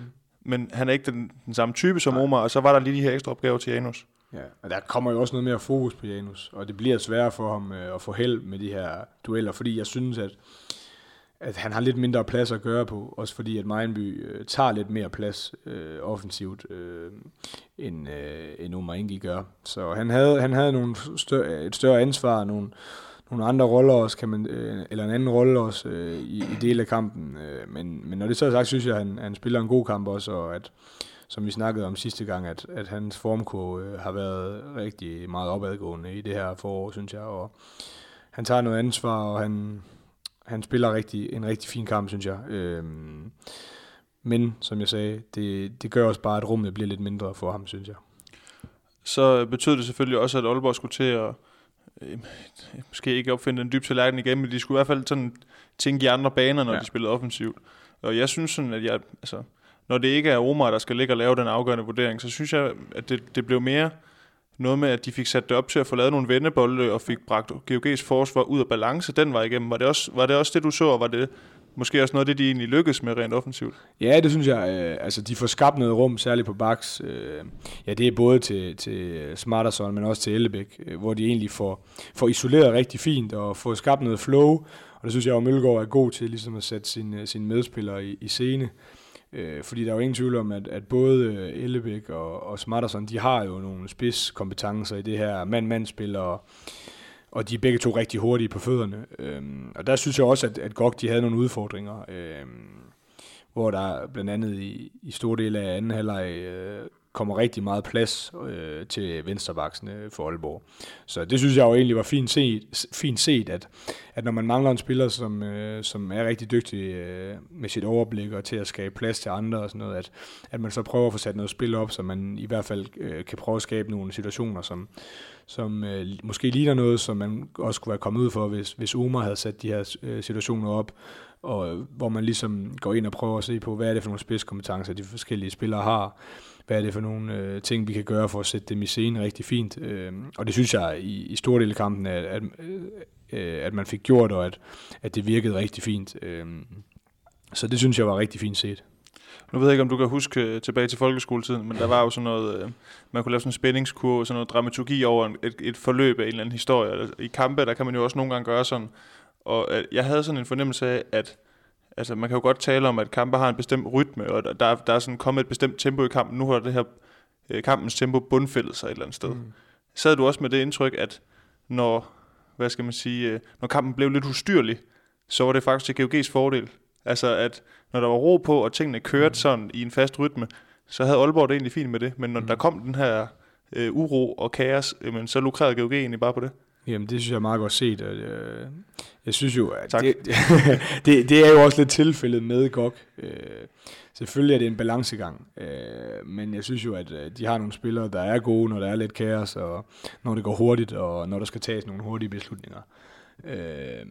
Det er så omvendt også noget, der, der tidligere har været øh, lidt en problematik, øh, og hvor det kan, det kan også ramme godt rigtig hurtigt, men, men jeg synes jo, at i den her situation, øh, der har de jo så også bare to backs, som rammer, øh, rammer det hele, måske ikke det hele, men i hvert fald som, som får scoret nogle, en, et hav af mål. Og, de giver den i hvert fald et skud i Ja, det må jeg sige. Øh, der, var jo, der var jo lidt over håndbold over det på noget tidspunkt, eller på nogle tidspunkter, hvor det bare var to skud for en 10, og den første, der havde chancen, skal bare skyde. Ej, men øh, jeg synes jo, øh, altså når man har to så dygtige spillere, og de begynder at ramme øh, topniveau, øh, på, eller i samme kampe, så, så bliver de svære at styre, og jeg sad ikke på noget tidspunkt med sådan med et indtryk af, at, at Aalborg for alvor havde en chance for, for at vinde Øhm, fordi når man, når man rammer topniveau øh, på sine to bedste spillere, og på to så profilerede spillere, så, øh, så får modstanderne det svært, og Ja, det var helt vildt. Altså, jeg synes, Lasse altså, Møller starter jo ikke sådan specielt flyvende, sådan, men han kommer der virkelig efter det, og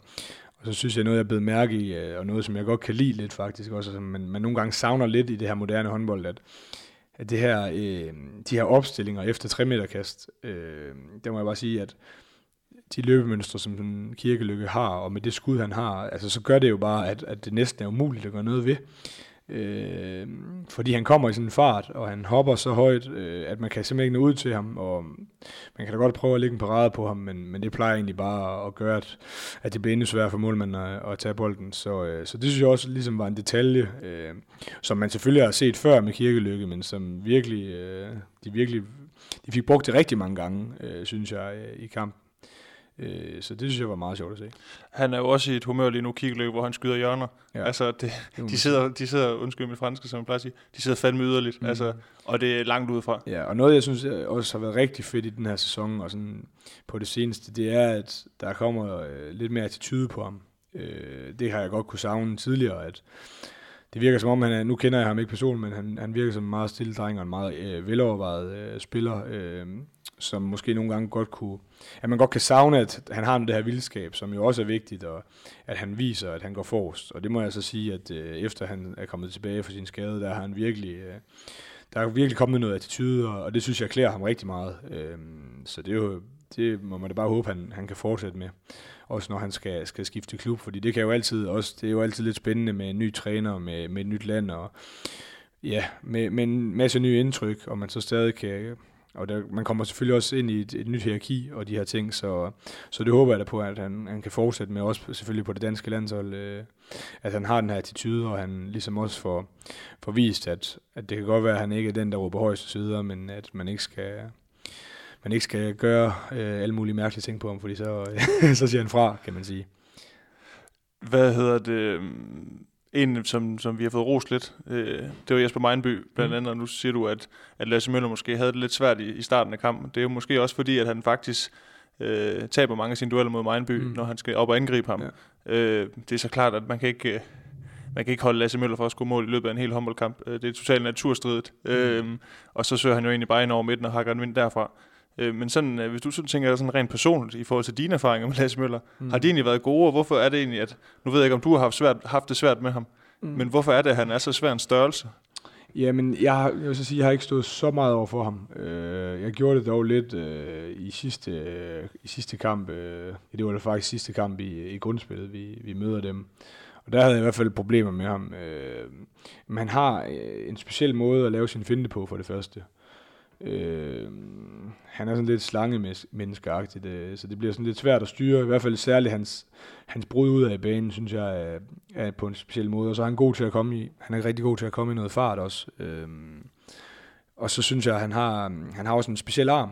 Øh, ikke så meget, jeg synes jeg, ikke så meget på hans hopskud, men det er måske også bare fordi jeg er en type, der ikke rigtig modtager så mange hopskud mod mig, fordi jeg går frem. Øh, men han, øh, han har et, spændende stående skud, sådan, fra, altså sådan en sidehåndsskud nærmest, øh, som han er rigtig god til, og det, det synes jeg også, han fik fin held med, med øh, i finalen. Øh, så jeg må bare sige, at, at det er i hvert fald en spiller, som det ved jeg også, han er bevidst om, øh, som når han ligesom får lagt endnu mere fysik på, og det får han jo, øh, får han jo tid til. Jeg synes jo, det er klogt, at han lige venter et år ekstra øh, og tager en sæson mere i, i GOG, inden han selvfølgelig øh, naturligt skal ud og, og prøve noget, en større liga og en større klub. Øh, der må jeg sige, at jeg tror, det er rigtig godt givet ud, at han ligesom kan få lagt endnu mere fysik øh, på. Øh, Måske ikke så meget øh, på grund af hans øh, angrebsspil, men jeg tror også, det kan være rigtig vigtigt for, ligesom, at, at han bliver endnu bedre defensivt, at, at han bliver mere komplet der. Øhm, men det er i hvert fald en spiller, der er rigtig svær at så for, og det fik han i hvert fald også sammen. Øh, som du siger, så havde han måske ikke så meget øh, held med, med sit brudspil. Øh, men det synes jeg også øh, er kado til, til Mindby, øh, men så kan han jo så meget andet, og så gør han bare nogle andre ting. Øh, men han fik jo vist i hvert fald øh, i semifinalerne øh, med sit brudspil, særligt ud af banen, at, at han er rigtig svær at holde. Du nævner det her med fysikken, og selvfølgelig skal han lægge noget på der. Men han er vel egentlig også, han er vel mere fysisk, end man lige sådan umiddelbart skulle tro, at han ikke det, for han er jo også en stor spiller. Altså han er, jo, han er jo ikke let, han er jo faktisk rimelig tung. Ja, øh, helt sikkert. Øh, det, det er bare på en anden måde, han sådan spiller på, øh, som jeg prøvede at sige før, at, at han har nogle specielle bevægelser, og, øh, og jo, altså, det er jo ikke sådan, at han ikke øh, har styrketrænet overhovedet. Altså man kan jo sagtens se, at han også har noget, nogle muskler på kroppen, og, men han kan godt, øh, det tror jeg også, og det er også det, han, nu han selv har udtalt, at det er jo måske der, han ligesom kan, kan udvikle sig endnu mere det, det næste år øh, eller, eller to. I optakten til den her øh, første final, der talte Jesper Frendin blandt andet omkring det her med Kirkelykke og Lasse Møller, om at øh, de har topniveau, et højt topniveau, mm. og om at, øh, hvad nu hvis de rammer det samtidig, ja. hvad kan det så ikke blive til? Øh, og det, det havde der været for lidt af, min Fredin. Øhm, det var meget, så var det Lasse Møller-tid, så var det Niklas Kirkelykke-tid. Øhm, ramte GOG ind i en kamp i Aalborg, hvor at, øh, der var det både Lasse Møller og Kirkelykketid. Øh, måske ikke øh, sådan 100% samtidig, men sådan set over en kamp, så, så ja. Ja, det synes jeg. jeg laver de 21 mål eller sådan noget, 20 mål til sammen, så må jeg jo bare sige, at øh, så rammer man jo i hvert fald offensivt øh, noget af begge to. Øh, og jeg vil da give øh, Fredin ret, og det har også lidt, selvfølgelig lidt at gøre med den øh, historik skadesmæssigt, de har haft den her sæson, at, at det har været svært at ramme alt for mange kampe, hvor de ligesom har været øh, op i niveau begge to. Øh, men det er jo bare dødbringende, når man, når man har to så gode spillere, og de så begge to rammer en kamp, øh, hvor de ligger omkring de her 10 mål, altså så, øh, så bliver det svært at vinde. Men vi skal også huske, ja, som du siger, de scorer øh, de scorer 21 mål, Kirkelykke laver 9 på 12, øh, Møller 12 på 21, mm, ja. øh, 10 på 18, hvis man trækker straffekastene fra. Mm. Øh, og det må da være fantastisk at have så mange billetter, tænker jeg. Men vi skal jo selvfølgelig også huske, at, øh, at GOG, det er, det er meget mere end øh, Niklas Kirkelykke og Lasse Møller. Det er bare lige sådan, at, ja, at det ikke lige bliver narrativet, at det, at det mm. kun er dem, der kommer, måske vinder, vinder en guldmedalje her på torsdag. Fordi det er jo også mange andre, der er også mange andre spillere, der byder ind i den her finale. Øh, hvem, hvem synes du egentlig sådan, altså, det er klart, det er nemt at fremhæve de to, men hvem synes man, hvem, hvem kunne egentlig også godt fortjene et skulderklap efter den præstation, som de jo leverer i, i Aalborg? En, en stor præstation også. Ja. Jamen jeg synes jo, at, øh, og det er jo sådan, det er, og jeg ved, jeg kender jo selvfølgelig også fra mig selv, at man snakker jo meget om, om de ting, der sker offensivt. Øh, men det er jo selvfølgelig også rigtig, rigtig vigtigt at have noget, øh, noget stærkt, øh, eller en stærk defensiv. Jeg synes jo, at Oscar Bavendal, øh, ham synes jeg er rigtig vigtig, også kvæg, at, at, at Lasse Kronborg er ude. Øh, der synes jeg, at han der er selvfølgelig også en Frederik Clausen, som har, som har taget et stort øh, slæb defensivt, men, men nogle af de der øh, spillere, som, som man måske ikke ser så meget, men at, hvor vigtige de er defensivt, det er jo også bare, øh, det er jo bare noget, som, som man tit glemmer i håndbold. Øh, og, og der synes jeg øh, eksempelvis, at øh, Oscar Bavendal øh, har taget øh, store øh, skridt i den her sæson øh, i GOG, og, og har gjort det rigtig godt, og det synes jeg også, han, han får vist i finalen.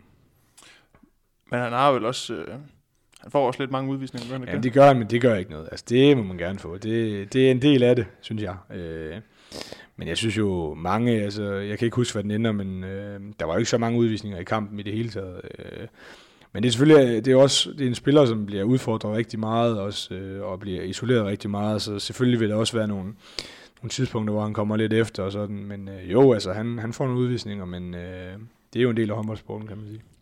Ja, du, det har du næsten gjort til en lever er du ikke det? Overhovedet ikke. Altså, jeg har fået otte udvisninger i den her sæson. Otte udvisninger? Det, var, det er altså ikke meget. Nej, det er sgu ikke mange. Ej, så har også fået et rødt kort. Øh, ja, det trækker op. Forkert dømt, men øh, det er jo så, hvad det er. Oh, øh, noget vi altid taler om, når vi taler håndboldkampe, det er sådan generelt ting, noget af det første, man kigger på, redningsprocent og målmænd. Ja. Øh, og det er jo ikke for sjov, at, at mange omtaler målmændene som de vigtigste spillere på et håndboldhold. Så kan det godt være, at der er nogle venstrebacks, der er uenige, nogle højrebacks, der er uenige, nogle playmaker, der er uenige. Men der er jo en regel der. Den, hvad er det for en regel? Jamen, det er jo, altså den redningsprocent, du har, det er den procent, du er vigtig for dit hold i kampene. Altså det er jo meget nemt. Så det er jo, så de der, for eksempel Michael Brun, som nogle gange snakker om, jeg kan ikke huske, hvor meget han snakker om, over 50 procent og sådan noget. Det er jo ikke så tit, at målmænd er det, kan man så sige. Okay. Ja, den, den kendte jeg faktisk ikke, den regel. Den er sgu egentlig meget god. Nå, men den, ja, den er meget, øh, meget kendt. Hvordan kan man også konvertere det til, til bagspillere og forsvarsspillere så? Nej. Nej, det er det kun på målmandsposition. Ja, det er okay. Men, men det interessante er jo faktisk, at uh, GOG vinder kampen, men de taber faktisk keeperduellen. Ja. Altså ret, ret mm, klart. Ja. det, det, det, det er mærkeligt, synes jeg. Ja, det er i hvert fald uh, atypisk. Uh, og man kan selvfølgelig også sige, at det er måske lidt overraskende, at, at Erik får så lang snor. Uh, men statistikker er en ting, og men, det, men som du siger, det er jo ikke tit, det sker. Altså, at øh, slet ikke i en finale, hvor det sådan for alvor plejer at være udpræget, at, at dem, der ligesom vinder målmandskampen, øh, at, de, at de også vinder. Øh, men de får jo lukket godt ned øh, defensivt, øh, GOG, og de får også sørget for, at, at Aalborg ikke for alvor øh, får så mange skud. Øh, altså, de får lukket dem godt ned nogle gange, og, og på den måde øh, gør det jo selvfølgelig også det mindre vigtigt at have, have mange redninger. Men, men jeg synes det også, det, eller jeg synes det var overraskende, at, at man ikke prøvede at give øh, Frank Mikkelsen øh, chancen, også øh, fordi der var jo tv på, så det kunne godt være, at han kunne have, kunne have taget et par afgørende bolde. Øhm, nej, altså, han har i hvert fald vist øh, tidligere kampe, men øh, også for nyligt, at, at han har i hvert fald et topniveau, der er, er rigtig højt. Hvis øh, man kan sige, at der måske ikke bliver reageret så meget i forhold til målmandsudskiftningerne i GOG, så bliver der i hvert fald øh, med Aalborgs briller øh, reageret lidt i forhold til, hvordan de stillede op sådan rent defensivt. De mm. forsøger jo også at spille den her 5-1 øh, øh, det her 5-1 kort ud med, med Magnus Saustrup for at få brudt noget af den her rytme her. Øh, og det er vel et eller andet sted en anden halvleg, hvor Aalborg forsøger rigtig mange ting, men GOG har bare hele tiden et modtræk til det, og så pyntet med to øh, top, top individuelle præstationer. Mm. De, det er vel også lidt det, der, der bliver billedet på anden halvleg, er det ikke det? Jo, altså jeg synes jo, øh, det giver jo god mening, at man får prøvet nogle ting, øh, også kvæg den her skade øh, helt op til kampen, at, at man ligesom så prøver at, at kompensere for det ved ligesom at, at prøve at komme med nogle træk, som, som GOG måske ikke, selvfølgelig har de godt vidst, at der er mulighed for, at Savstrup går ind, går ind 5-1, men at man i hvert fald prøver noget, øh, i stedet for bare at lade stå til, det kan jeg meget godt lide. Øh, men som jeg sagde, altså man sad hele tiden som, ligesom med fornemmelsen, og som du siger, at, at, øh, at de ligesom havde nogle modtræk hele tiden, øh, GOG. Ja, når så kampen kom, øh, som vi også talte om tidligere, når, når øh, det blev sådan lidt rowdy og lidt ustyrligt. Øh, mm. Øh, Stefan Madsen tager også en time-out efter 47 minutter, hvor han siger, at nu skal vi øh, passe lige lidt bedre på bolden nu, siger han. Ja. Altså det er jo også, øh, ja. viser jo også meget godt, at at, øh, hvad skal vi sige, dramaturgien for, for kampen på det tidspunkt, den passede ikke ind i den her Aalborg-plan. Altså, mm. der, der var det på GOG's øh, lidt ustyrlige præmisser, det hele ja. foregik.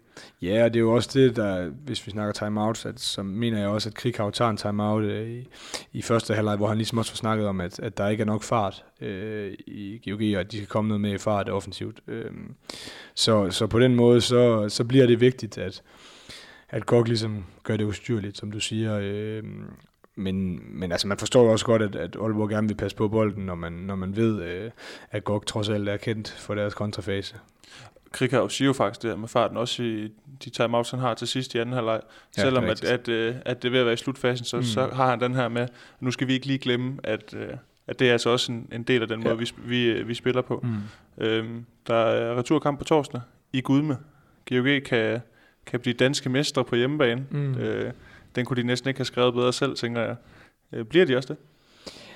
Nu bliver det spændende at se, om, om Omar Ingi bliver klar. Altså, øh, det tror jeg nok ikke, han gør, og jeg håber selvfølgelig på, at man i hvert fald øh, er helt sikker på, at han er klar med det, med det hoved der, øh, når man ved, hvor efterhånden, hvor mange der, der bøvler med det, og, og, og det tror jeg helt sikker på, at Aalborg har styr på. De har jo også selv øh, noget historik desværre der. Øh, der er stor forskel på, om han er med eller ikke. Altså, jeg har svært ved at se Aalborg for alvor gøre noget øh, i Gud med, hvis, øh, hvis han ikke er med, Omar Ingi. Øh, er han med, så, så bliver det noget andet, og så bliver det en ny kamp, og så tror jeg måske også, der kommer lidt mere tro på tingene i Aalborg-lejren. Øh, men det ligger rigtig meget til, til GOG lige nu, det synes jeg. Men kunne man ikke også angribe den omvendt og så sige, at øh, Aalborg, altså, jeg ved godt, de taber den første, mm. men de taber også en kamp. Nu har vi talt om, som Fredin sagde, øh, det her med, at Lasse Møller og Kirkeløkke rammer niveau på samme dag, mm. det er måske ikke sket så ofte. Nej. Altså, kunne man ikke også vente om at sige, jamen, de kan vel egentlig være, altså, man er ikke tilfreds med at tabe, men på baggrund af, at de to rammer niveau på dagen, ja. så, altså, så er der vel egentlig fine muligheder, fordi hvis de ikke gør det, så var de jo egentlig ikke særlig langt fra. Nej, men så kan man så, jo selvfølgelig, det er jo, det er jo et issue, men der er jo også, også et issue, der hedder, at det er heller ikke sikkert, at de så klart vinder målmandsduellen igen. Så der, der er flere ting i det. Øhm, men altså, jeg tror egentlig, at Aalborg, når de sidder og ser noget video øh, på den første kamp, kan tage rigtig mange ting med og sige, at, at det vi gør her, det, det er rigtig fint. Og så skal man jo se, om man ikke kan skrue på nogle knapper. Og der er nok ingen, ingen tvivl om, at de vil øh, bruge rigtig meget tid på, på, som vi siger, Kirkelykke og Lasse Møller, at, at de ikke i hvert fald ikke formår at, at få lavet sådan en kamp igen, begge to. øh, så skal man jo, og det snakker vi også øh, om øh, i forhold til GOG, så er det jo måske, at man måske skal prøve at give lidt mere plads til, øh, til Puyol eksempelvis, eller hvis, hvis øh, nogle af de, de yngre spillere, som kommer ind øh, og skal, skal have noget tid, at de, at de måske får lov til at løsne nogle skud, øh, så man måske overdækker lidt på, på både øh, Lasse Møller og, og, og Kirkelykke. Men det er svært. Altså, det, man kan jo gå i noget 4-2 på de to, men det giver også bare, altså for det første, så er det jo formentlig ikke noget, man har trænet ret meget i, i den her sæson, og for det andet, så giver det også bare øh, en helt lidt mere plads. Øh, men jeg glæder mig da til at se, øh, om Stefan Madsen og Arne Adlersen har, har et eller andet i, i ærmet. Øh. Men jeg håber, jeg håber jo, først og fremmest så håber jeg selvfølgelig på, at, øh, at Omar Ingi, han kan, kan blive klar på ret kort tid. Øh. Jeg synes jo, det har været desværre lidt overskriften for den her sæson for mig, at, at mange af de allerbedste spillere, de, de ikke er med, når det skal afgøres. Det synes jeg er, det synes jeg er sindssygt ærgerligt. Øh, så, øh, så det bliver spændende at se, men, men fortællingen om, at, at GOG igen kan, kan stå øverst på, øh, på skamlen, det er jo også på en eller anden måde fantastisk. Øh, at en klub, øh, som jo selvfølgelig er en stor del af den danske håndboldhistorie, at de ligesom... Øh, har været helt øh, på bunden og startet helt forfra, og nu er tilbage, øh, hvor det er rigtig sjovt. Det er der også en eller anden øh, fantastisk historie i. Også på måden, de har gjort det på med, med unge spillere, med talentfulde spillere. altså vi må sige, at GOG har jo en stor øh, ære i, at, at vi i dansk håndbold er rigtig, rigtig godt med øh, på rigtig mange parametre. Det er, som du siger, selvfølgelig rigtig ærgerligt, at der er nogle spillere, der ikke er med. Det er også... Øh nemt at falde, falde ned i den her rille og tale om, øh, at Hammer Hammer Hammer ikke med. Mm. Øh, og så lad os da glæde os over, at der er nogle spillere, der kan spille trods alt, øh, og have fokus på dem. Og ligesom nu har vi talt om, om Omar, men øh, måske også øh, tale om, hvilken betydning i Mindby havde i den kamp mm. her eksempelvis, så det ikke blev for meget det her, det her skadesfokus. Fordi det er, øh, vi skal også huske at, at nyde dem, der er der, øh, og så måske snakke knap så meget om dem, der, dem, der er skadet. Øhm, Rasmus, klokken er 18.22. Jeg... Øh, skal have klippet og skubbet det her ud over rampen hurtigst muligt, og du skal have noget aftensmad, og så skal du tidligt i seng, skal du ikke det? Jo, det er umiddelbart tænker jeg, at jeg kommer til at sove ganske fornuftigt, hvis min lille pige, hun kan opføre sig ordentligt. Så det må vi jo se. Det er jo, det er jo nemt. Ja, hvordan er, hvad er fars status egentlig i dag? Er det, det, det har du lige glemt, bare. Ja, er det en god eller en dårlig dag? det er... Er det ikke, øh, hvad er det i dag? Er det mandag? Ja. ja så er det, er det ikke svar nok. så det er en, det er en dårlig dag. Jamen, det er en mindre god dag. Vi, vi synes, opererer ikke med dårlige dage. Ja. Jeg synes, det er sjovt, at du starter så cocky ud som far, og bare siger, at det er det nemmeste i verden. Jeg synes bare, du, du synker længere og længere ned i et eller andet sort hul og siger, uh, ja, jeg, jeg er jo også lidt i søvnunderskud. Det skal man lige huske. Jeg har kørt det hele af natten, så øh, den her dag, den, men sådan er det også. Altså, man må jo, altså, min gode ven, Tim Winkler, han siger det jo ganske fint. Altså, kong om natten, kong om dagen. Så øh, det må vi se, om vi kan efterleve. Kong om natten, kong om dagen, den lukker vi af på. Tak til, til Rasmus Bøjsen, fordi han igen gad at, at få set en masse håndbold, og, øh, og fortælle os, hvad han synes om de kampe, han har set. Og så øhm, også en stor tak til, til Sparkassen Kroneland, der er hovedpartner her på Mediano håndbold. De har været med øhm, siden starten, og det er de egentlig også i hele 2019. Find os lige øh, på de sociale medier, Facebook, Twitter, Instagram under Mediano håndbold. Og så øh, synes jeg, at hvis du overhovedet kan lide det, du hører, så hop lige ind og lav en anmeldelse i iTunes, eller hvor du ellers hører, høre podcast til. Det kunne egentlig være, være rigtig fedt. Så med det, tak for i dag, og vi lyttes ved.